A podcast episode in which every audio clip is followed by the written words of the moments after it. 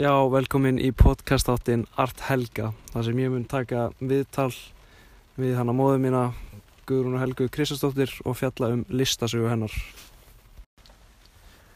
Sæl Helga, Já, sætlu blessaður. nú ert þú móðu mín og mikill listamæður og hefur það verið freka lengi og hérna hefur þú alltaf haft áhuga á listsköpun?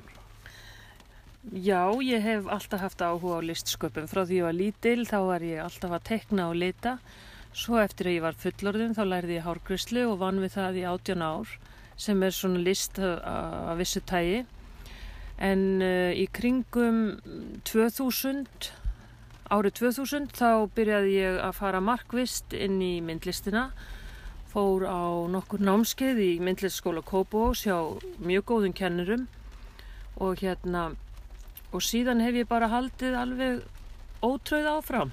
Já, hættur þú sem sagt í uh, klippara dótinu og fórst bara alveg að mála? Já, ég gerði það. Eftir að ég átti þig, þá, þá hætti ég bara í hárgræslinni og fór að stunda myndlistina alveg á fullum krafti. Og eins og í, þú fórst í skóla, var það ekki? Myndlist Jú, ég var í myndlistskóla í Kópavogi og var hjá kennurum sem heita Svamborg og Bjarni Sigurbjörnsson og þau kendi mig til dæmis uh, myndbyggingu og litarhingin og anstæðulitina og, og hvað virkar vel í málverkinu og það hefur nýst mér mjög vel og ég held alltaf áfram og svo 2002 þá fluttu við fjölskyldan til Barcelona Já. og þar gekk ég eh, í skóla í eitt vetur sem heitir Artisinni Masana og lærði mótiltekningu í svona uh, hópa fólk með hópa fólki og það nýtist mér mjög vel og, og við lærðum svona að teikna andlit og, og líkamsbyggingu Hvað og byggum fleira. við á Spáni? Við byggum í litlum bæ sem heitir Castifels, rétt fyrir utan Barcelona Já. og þar sem að, að þið fóruð í skóla og ég fór daglega inn til Barcelona í skólan þar og svo var ég líka einnig á námskeiði hjá pólskri konu sem heitir Ívana og ég var hjá henni þrísvar í viku.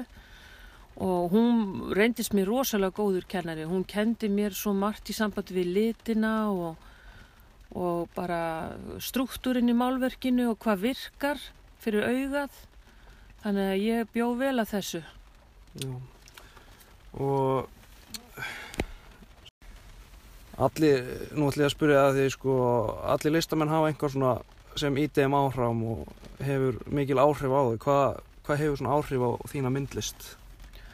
Sko fyrst og fremst er það náttúrulega landið okkar, Ísland, sem hefur áhrif á, á myndlistina mína. Ég mála mikið svona abstrakt landslagsverk með krö- kröftu og, og sem sýnir vel náttúru Íslands og mikið veður og, og hérna orkan sem er hérna allt í kringum okkur, sjórin og landið og vindurinn.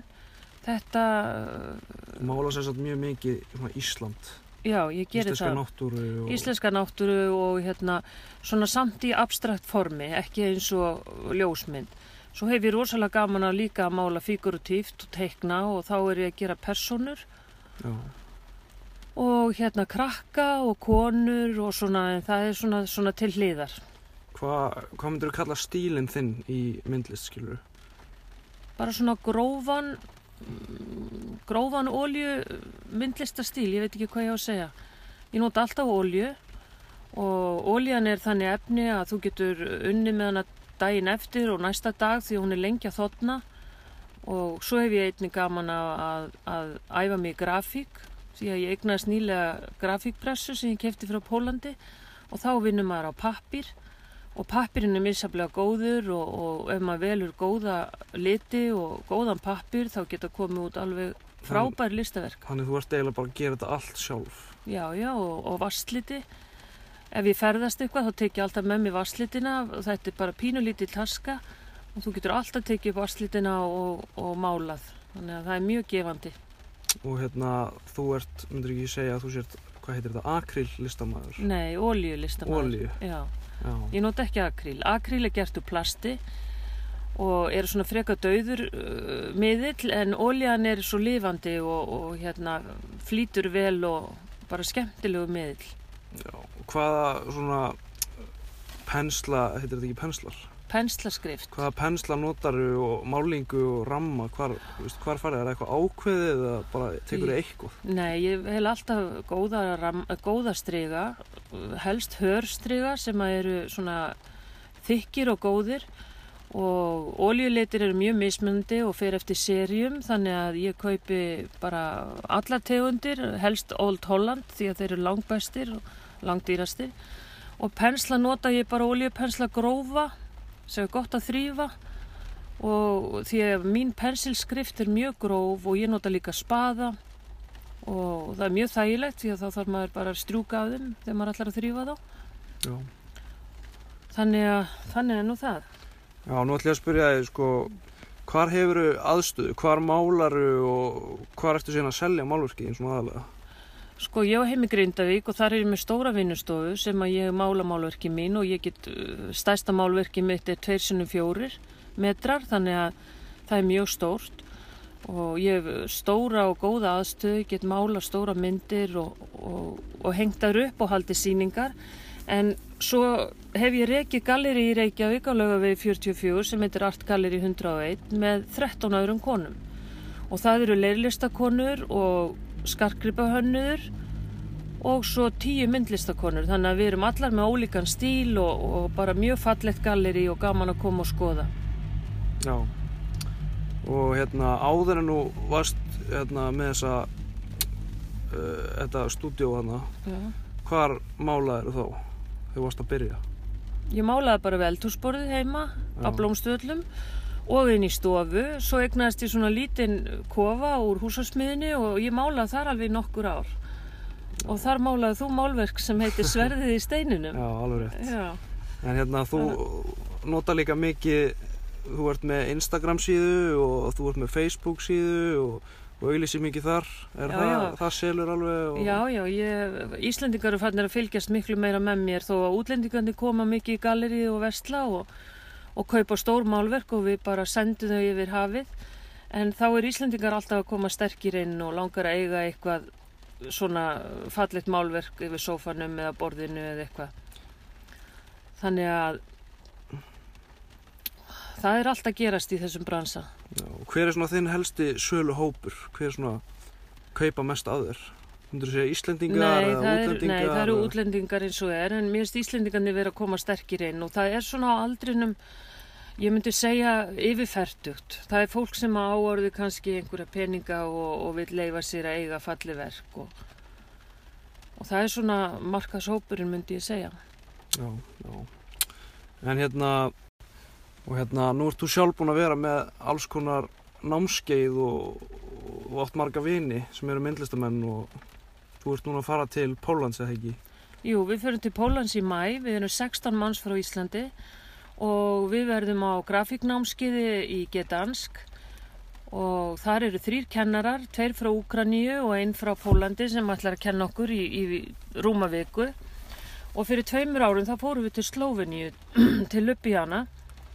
Og þar voru líka þrýr kennarar og, og þar var svipaður hópur sem fór og, og höfðu mjög gaman af og lærðu mikið og ég hef fengið þessi ellendu kennara til að koma til Grindavíkur og kenna og alltaf verið fullt á námskeiðum og áhugin er mikill og ég held að framtíðin sé bara björt í myndlistinni.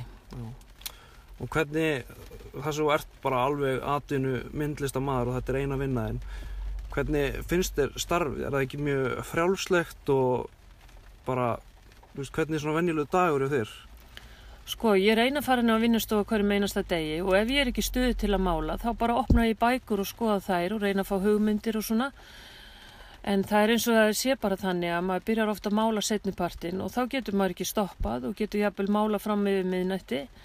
Því að það er óskup erfitt að mála í klukkutíma og þurfa svo að fara heim. Maður verður að gefa sér fjóra, fimm, sex tíma. Því að stundum gengur þetta upp og stundum ekki En, en fjárhagslega þá er bara tekjurna mjög misjafnan. Það getur verið mikið eitt mánuðin og ekkert næsta mánuð. Þannig að Já, já. maður verður bara svona að spila eftir vindinum.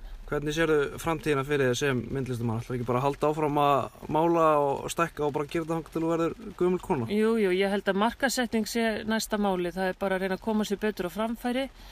Auglýsingar skipta öllu máli. Fólk veit ekki ammanni og, og þá er maður bara að vera duglegur að auglýsa sig og, og, og vera á Instagram arthelga61 og Facebook síðan arthelga þannig að ef, ef að fólk er duglegt að skoða og velur sér myndir þá er bara allt í fína lagi Og hérna eitt að lokum, uh, hver er þinn uppáhalds myndlistamæður? Er það kannski of margir?